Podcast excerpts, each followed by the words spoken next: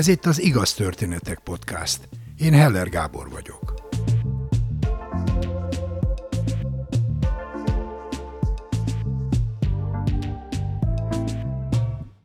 Nehéz helyzetben szembenézni az igazsággal, és vállalni ennek a következményeit, ehhez bátorság kell. És ha nem is rögtön, de előbb-utóbb kiderül, megérte. Az első történet szereplői az egzisztenciájukkal játszottak, amikor számot vetettek azzal, hogy kényelmes, kiszámítható életük nem teljes. Ez a felismerés aztán egy sorsdöntő elhatározáshoz vezetett. A biztos helyet a bizonytalant választották, és soha nem bánták meg. Hegyi György mesél. Tavasz van, süt a nap. Két öltönyös fiatal, hát nem is annyira fiatal, ilyen 30-as évei elején császkáló fiatalember, mondjuk hívjuk fiatalembernek, sétál az utcán, szuper jó öltönyben, nagyon drága nyakkendők, zsebükben csodálatosan, alaposan feltöltött hitelkártyák, és úgy eléggé úgy tűnik, hogy minden rendben van. Elegánsak a cipők, talán még nyakkendőtű is van a képen. A két fiatalember egyike az Hajós András akkori barátom, a másik pedig én vagyok. És azon tanakodunk, hogy hol legyünk, mit kellene ennünk. Fölvetődik, hogy esetleg vietnámit, vagy együnk sushit, és ezzel telnek a percek, ahogy bandukolunk a semmi felé, vagy egy elképzelt ebéd irányába. Ez egy ilyen átlagos szerda, vagy nem tudom, ked, tehát egy hétköznapi öltönyös ebédnek néz ki. Akkor mi már egy olyan jó 5-6 éve nagyon jó barátok vagyunk. Akkor mi már szintén inkább olyan, igen, olyan 4-5-6 éve már van zenekarunk is, aminek még ugyan talán nincs neve, vagy éppen, hogy már kitaláltunk valamit, mert hogy igazából csak arra jó, hogy amikor elegünk van az öltönyösdiből, akkor elmegyünk muzsikálni a barátainkkal hármasban. Mert hogy azért a nyakkendős világunk az egy kicsit fura, és egy picikét uh, felemás. Egyrészt rengeteget keresünk, mind a ketten nagy vállalatoknál dolgozunk, az Andris értékesítő, én meg vállalati folyamatokat idomítok. Ugye itt a magyar kapitalizmus hajnalán, vagy hát már azért nem is annyira a hajnalán, de de nagyjából a, a bimbózás utáni szakaszában vagyunk, valamikor a 2000-es évek elején. És, és jól lehet keresni ezzel, amit mi csinálunk, és ö, nem is kell tőle nagyon korán kelni, de valahogy, valahogy valami mégis problémás a képpel. És ahogy ott sétáltunk, már nem emlékszem, hogy melyikünk, de valamelyikünk elkezdte azt mondogatni, hogy, hogy ez így nem, ez így, tehát hogy valami nem stimmel, valami, valami valahogy, valahogy ez nem az igazi. Nekünk a saját személyes életünk tapasztalatában az az igazi, amikor mondjuk már a felnőtt életünket véve amikor mondjuk úgy nem nagyon van mit enni. Nem azért, mert annyira csóró családból származnánk, hanem mert hülyeségekre elköltjük azt a kevés pénzünket, ami van. Tehát, hogy alapból nem keresünk sokat, hanem ugye korábban főiskolások, egyetemisták vagyunk, és akkor inkább a szórakozás érdekel, inkább az alkotás érdekel, inkább a zene, inkább a kaland, a világ fölfedezése, mondani valónk van az egésszel kapcsolatban, és aztán egyszer csak egy tíz évvel később mégis ott találjuk magunkat a Bajcsi Zsilinszki úton szuper öltönyökben, és fényes, elegáns nyakkendőkben, és hízott hitelkártyákkal. És az lett a vége, és ez egy nagyon fontos pillanat volt, hogy uh, akkor döntöttük el, hogy akkor megpróbálhatnánk az igazit választani. Megpróbálhatnánk az igazizásba belemenni. Ez volt a kulcsszavunk, az igazizás onnantól kezdve. Korábban is elképzeltük azt, hogy az, a zenekar az ugye olyan, hogy ott akkor nem kötünk alkukat. Egész álló rohadt nap alkukat kötünk, amikor dolgozunk, bemegyünk reggel kilencre, és este hatig folytonosan alkukat kötünk. Elviseljük a hülyéket, lesütött szemmel elviseljük a hülyéket, és utána úgy cselekszünk, ahogy a hülyék mondják. Még akkor is, ha röhögünk rajtuk a hátuk mögött. És a zenekar volt az a felület, vagy az a, az a játszóterünk, ugye kisgyerekes családapák voltunk már. Éreztük a felelősségünket, hogy nem lehet csak azt csinálni, hogy az ember úgy beleél a hétköznapokba és a világba, és csak a jelenre koncentrál, vagy pláne az ostoba hobbiára, ami ráadásul méregdrága. A zenekarosdi rendkívül drága hobbi. Szóval éreztük a súlyát ennek a dolognak, hogy uh, dolgozni azt kell, De aznap valahogy mégis eldöntöttük azt, hogy uh, oké, okay, dolgozzunk, de az igazizás azért az fontos. És, uh, és akkor attól a naptól indult el az a folyamat, aminek a végétől vagy aminek a végén Andris televíziós személyiség lett, és belevágott abba a rettenetesen furcsa és uh, sikerekkel és könnyekkel teletűzdelt útba. Egyszerűen más hülyéket választott a korábbi hülyék helyett, de legalább igazi próbálhatott lenni a saját szabályai szerint. És ugyanezen az úton én is elindulva uh, lettem rádiós, és töltöttem aztán egy évtizedet a, a rádiókafé berkeiben és hát főleg akkor lett igazi a zenekar. Akkor határoztuk el, hogy ha minket tényleg ez hajt, ha tényleg csak ez, ami bennünket igazán érdekel, ha csak az a heti három óra tesz bennünket, nyilván a családunkat leszámítva, boldoggá, hogy, hogy ott vagyunk, és letéptük a nyakkendőt, és fölakasztottuk a zakót, és pengetjük a hülye gitárjainkat, és énekeljük a furadalainkat, akkor tök mindegy, hogy mennyit keresünk, ha rosszul érezzük magunkat. És azon a furcsa szerda napsütéses délelőttön elindultunk egy teljesen másik irányba, és, és az történt, hogy most itt ülök, és, és ez egy baromi jó döntés volt. Tehát ennyi év távlatából visszanézve, ha, ha még ott lennék, már talán nem lenne gyomrom, mert kiégeti a stressz. Már nem lenne semmi, ami, ami örömet okoz, mert pénzért nem tudnám megvenni. Viszont ez a döntés magával hozott egy csomó olyan csodálatos kalandot, élettapasztalatot, barátságot, persze feszültséget, kínlódást, bánatot is természetesen tömegével, ahogy kell. Arra biztatnék mindenkit, hogy az igazizást kell választani. Ez teljesen biztos, ezt egy 50 fölötti faszi mondja bele egy mikrofonba, hogy válasszátok az igazit, mert az igazizás egyedül az, ami működik, ami boldoggá tesz. Még akkor is, hogyha nehéz kiválasztani. Mi kockára tettük lényegében a teljes egzisztenciánkat ezzel a döntéssel. Mindenki hülyének nézett bennünket. Gyurikám, hát majdnem egy millió forintot keresel havonta. Gondolom sejtitek, hogy mennyi pénz volt a 2000-es évek elején egy millió forint nettó fizetés.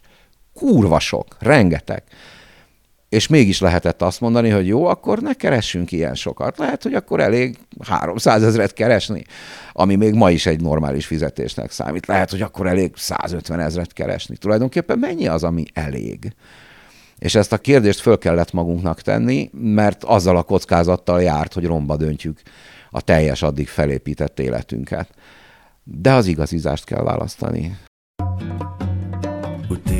Tájba, a cukrászdába, valaki, hogyha belép, még meglátja álmomai mágusait Winklert és Eldét, akik a kávéba tejet most kevernek épp És az asztaluk mellett is ott Hegyi Györgyöt a szélesebb közönség az Emil Rulle zenekar egyik alapítójaként ismerte meg. Zeneszerző, dalszövegíró, szerkesztő, műsorvezető.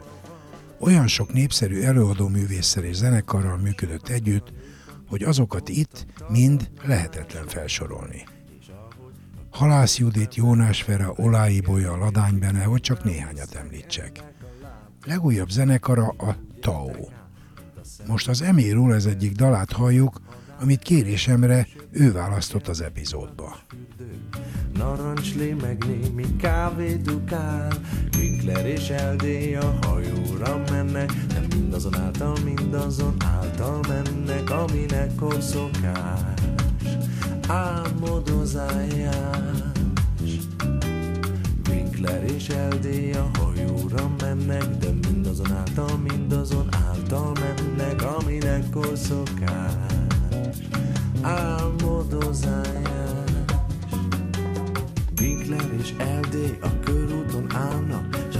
Arcukon serkedő másnapos szakálnak Amiben léptépről felcsekve lesik. Hozzá a sors, valami villamos nekik Pedig a lelkük mélyén egy hajóra vágynak Amit a déli tengereken átmuzsikálnak. A bárba várva meg egy árva hajnali vendég Utolsó óhaját Winkler és LD a hajóra mennek, de mindazon által, mindazon által mennek, aminek korszokás, álmodozás. A következő történetet egy olyan valaki meséli, aki naponta kénytelen szembenézni azzal, amivel senki nem szívesen foglalkozik. Az emberi élet végével. Dr. Musbeck Katalin, a Hospice Alapítvány vezetője mond történetet. Fiatal orvosként a Lipótmezőre kerültem. Először tanulni, aztán pszichiáter lett belőlem. Olyan osztályokon dolgoztam, ahol skizofrén betegek, leépült, idős, paranoiás betegek voltak, de sok volt a depresszió, szorongásos tünetekkel kezeltek betegeket. Ez különböző osztályokon történt. Végül egy pszichoterápiás ambulanciára kerültem, ami egy nagyon nagy dolog volt, mert a 80-as évek közepén, hogy létrejött egy olyan rendszer abban az időben, amikor még a, a pszichológiát, azt az orosz minta, a szovjet minta alapján kezelték, hogy lélek nincs, lelki dolgokkal nem kell foglalkozni, és létrejöhetett a Lipóton egy pszichoterápiás ambulancia, amelyben hát tényleg abszolút ma később is vezető pszichológusok, Bagdi Emőkével is ott dolgoztam együtt, Ajkai Klárival, Erdély Ildikóval, Mérei Zsuzsival, stb. Akkor már én láttam, hogy én nem az úgynevezett nagy pszichiátriai betegekkel akarok foglalkozni, akik ilyen súlyos tünetektől szenvednek, hanem sokkal inkább vagy a depresszió, illetve a szorongás az ez a két csoport volt, pánikbetegség, akkor még másképp hívtuk, hogy ez az a betegcsoport, aki engem érdekel. Közben pszichoanalízisbe kerültem, ez egy nagyon fontos dolog volt, hogy aki pszichoterápiával akar foglalkozni, az legyen egy önismerete, és tanuljon módszereket. És egy nagy szerencsém volt, mert egy Ferenci tanítványhoz kerültem analízisbe, és rengeteget tanultam tőle. De nem gondoltam azt, hogy én nekem valami irányt vesz majd egyszer a, a munkám, és hogy nem a, ezen a területen dolgozom majd, hanem akár, hogy elmegyek ebből a jó műhelyből, ami ez a pszichoterápiás műhely.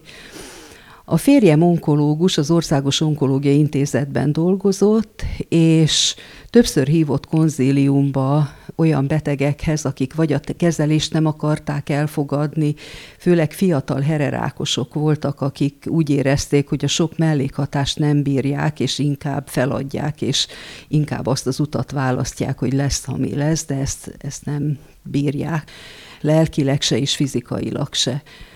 És egy alkalommal egy fiatal 28 éves beteghez hívtak konzíliumba, aki egy nagyon jó megjelenésű, atlétikus férfi volt. Ő is viaskodott azzal, hogy kezelése legyen, ne legyen. Egy néhány alkalommal találkoztunk, beszélgettünk, végül is bevállalta azt, hogy elkezdődjön a kezelése, és egy fél évig nem láttam. Addig dolgoztam a Lipóton, mint, ahogy az előbb említettem, bejáró betegekkel. És egyszer egy újabb hívás érkezett az onkológiai intézetből, nem a beteg részéről, hanem a kezelő orvosa hívott fel egy fiatal doktornő, hogy ismét bekerült ez a beteg, de nagyon rossz állapotban van, gyakorlatilag fekvő, nem akar enni, inni, meg akar halni, és hogy be tudnék-e menni hozzá nagy meglepetésemre legalább 10 kilóval kevesebb volt, tényleg az arc járomcsontjai is kirajzolódtak, nehezen ismertem volna fel, hogyha nem tudom, hogy, hogy ő az. Feküdt az ágyban, nézte a plafont, és az első mondat az volt, hogy hagyjam én is békén, ő meg akar halni, és elmesélte azt a történetet, hogy ő összegyűjtött otthon gyógyszereket, és kérte az édesanyját, hogy hozza be ide a kórházba, mert ő véget akar vetni az életének, ő ezt a szenvedést nem akarja tovább csinálni. Tünetileg egyébként a fájdalom és a nehéz légzés volt a vezető tünete, mind a kettő nagyon elviselhetetlen, ha nem csillapítják. Tehát a fulladást megélni az önmagában egy borzalmas dolog. Hát fiatal orvos voltam, még nem voltam 40 éves, amikor találkoztam ezzel az eseten, nagyon megrázónak találtam, és kétszer-háromszor még visszamentem hozzá ebben a nagyon legyengült periódusában, és amikor elmesélt ezt az öngyilkosságra való késztetését, és hogy mennyire haragszik az anyukájára, hogy nem hozta be a gyógyszereket, akkor valahogy azt gondoltam, hogy muszáj valahogy a valóságról beszélni. És akkor azt mondtam neki, hogy ez már nem tart soká. És akkor úgy nem, nem reagált erre. És aztán később megismételtem ezt, hogy hát ez nem tart már soká. És akkor megkérdezte, hogy úgy gondolja, hogy meg fogok halni? Na most mit csinál ilyenkor egy olyan orvos, aki teljesen képzetlen, soha nem hallotta az orvosaitól, a, a tanáraitól azt, hogy mit kell ilyen helyzetbe tenni, de valahogy akkor azért már volt egy jó pár beteggel tapasztalatom, és azt láttam, hogy ez a hazugságban való élés, ez így nem működik, és azt mondtam, hogy hát igen, úgy látom, hogy eljött az idő, és mennyi időm van hátra, kérdezte. Hát mondom, ezt nem tudjuk meghatározni, de ez egy rövid idő lesz, néhány hét vagy egy-két hónap. Hallgatott, és utána azt mondta, hogy köszönöm, hogy ezt elmondta, mert akkor én ezen túl elkezdek búcsúzkodni, akik ide bejönnek hozzám, mert szeretnék elbúcsúzni a szeretteimtől. Minden nap tiszta pólót fogok fölvenni, mert nekem nagyon fontos az, hogy rendesen nézzek ki, nem fogom elhanyagolni magam, megkérem a nővéreket, hogy borotváljanak meg, mert ahogy éltem, én egy atléta voltam, egy sportember, én úgy szeretnék elmenni. Na most még, ha most is beszélek róla, még mindig egy kicsit összeszorul a szívem és a torkom, mert eh, ezeket a mondatokat így elmondani nagyon-nagyon nehéz volt. És arra emlékszem, hogy legalább fél éven keresztül, ha erre gondoltam, akkor elsírtam magam. Annyira, annyira megrázó és megrendítő volt. Később tanítottam is, és elmondtam ezt az esetet hallgatóknak, és visszajöttek olyan köszönetek, amikor azt mondta egy orvosnő, hogy, hogy volt egy orvos betege, aki követelte, hogy mondja el, hogy mi van vele, és hogyha én nem hallotta volna ezt tőlem, akkor nem mert volna ebbe beleállni. Na minden esetre ez a fiatal ember, ez a következő találkozásunknál, ami három nap múlva volt körülbelül, ezt megköszönte. Nekem ez megfordította a szakmához való viszonyomat, és azt gondoltam, hogy nekem itt dolgom van. Saját magammal is, mert ráadásul én egy rákos családból származom. Nekem a felmenőim között a négy nagy szülőből csak egy nem halt meg rákban, a szüleim rákban haltak meg, a testvérem, az unokatestvérem gyerekei haltak meg rákban. Tehát nekem, nekem a rákkal már előtte is volt elég sok találkozásom, de hogy azt, hogy ez nem maradhat így. Azért ez akkor volt még a 80-as években, mikor kettős zárójelentések voltak, amikor még az orvosok egyáltalán nem tudtak beszélni arról egy beteggel, hogy rák hanem azt mondták, hogy hát van valami daganat. Mire a beteg megkérdezte, de ugye nem rák, és erre képesek voltak azt mondani, hogy nem, nem rák, csak van néhány olyan sejt, ami miatt érdemes a kemoterápiát vagy a sugárterápiát adni ez a helyzet, ez a történet bevitt engem aztán az onkológiai intézetbe, és ott kezdtem el úgy dolgozni, hogy ott létre lehetett hozni egy olyan kis rehabilitációs munkacsoportot, akik a rákbetegekkel foglalkoztak, pszichés támogatást nyújtottak elsősorban, és aztán hát ebből nőtt ki később a hospice, az a polcalennel való együttműködés kapcsán.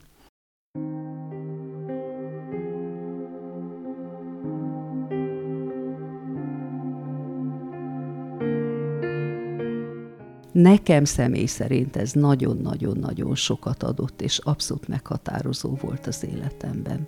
Később persze sok ilyen történet került elém, és még ma is a hospizban dolgozva, ahol már 30 éve vagyok, még mindig előjönnek olyan történetek, ahol a, az igazság és az elhallgatás közötti úton kell járkálnunk, és ezen a mesdjén nagyon finoman, amikor a beteg nem akarja hallani, vagy a család azt mondja, hogy de ne beszéljünk róla, mert azzal ártunk, és hogy hogy lehet megsegíteni a családokat abban, hogy, hogy hidat kell építeni, nem falat húzni, mert falat húzunk akkor, hogyha nem beszélünk arról, ami a valóság, és amikor a beteg is érzi azt, hogy ő nagyon rossz állapotú. És azt is kell mondjam, hogy én se tanultam meg korábban az életemben, mert valahogy olyan a társadalmi felfogás az nagyon erősen az iskolában. Még otthon az apukám az egy olyan nyílt ember volt, de az anyukám az nagyon-nagyon csöndes és konfliktus kerülő. Ha ezzel lehet valamit tenni, hogy segíteni, hogy másoknak könnyebb legyen, és ne a szőnyeg alá söpörjék a problémákat, hanem valahogy beleállni, akkor azt gondolom, hogy ez, ez egy jó út.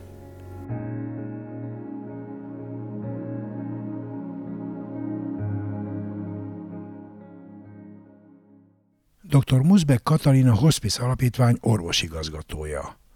Az alapítvány tízágyas Budapest Hospice háza volt az első olyan intézmény Magyarországon, amely nem kórházi osztályként végzi a végstádiumú betegek ellátását. A most 30 éves alapítvány egy időben körülbelül 70 embernek tud otthonellátást nyújtani.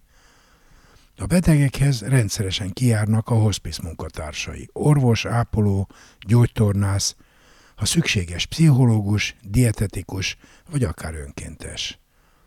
A Fogda kezem gyerekhospice szolgálatuk az egyetlen otthoni segítség a halál fenyegető betegséggel élő vagy végstádiumú beteg gyermekeket ápoló családoknak.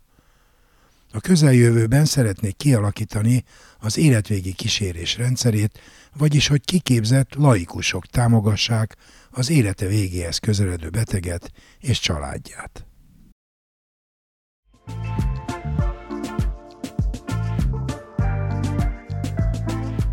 Mindenkinek vannak sorsfordító, képtelen, megható vagy mulatságos történetei.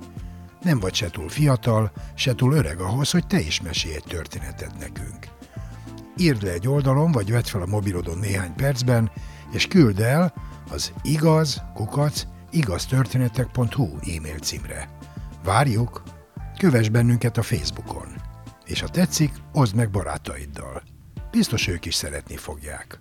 Ha nem szeretnél elszalasztani egy epizódot sem, iratkozz fel az Igaz Történetek podcastra kedvenc lejátszódban.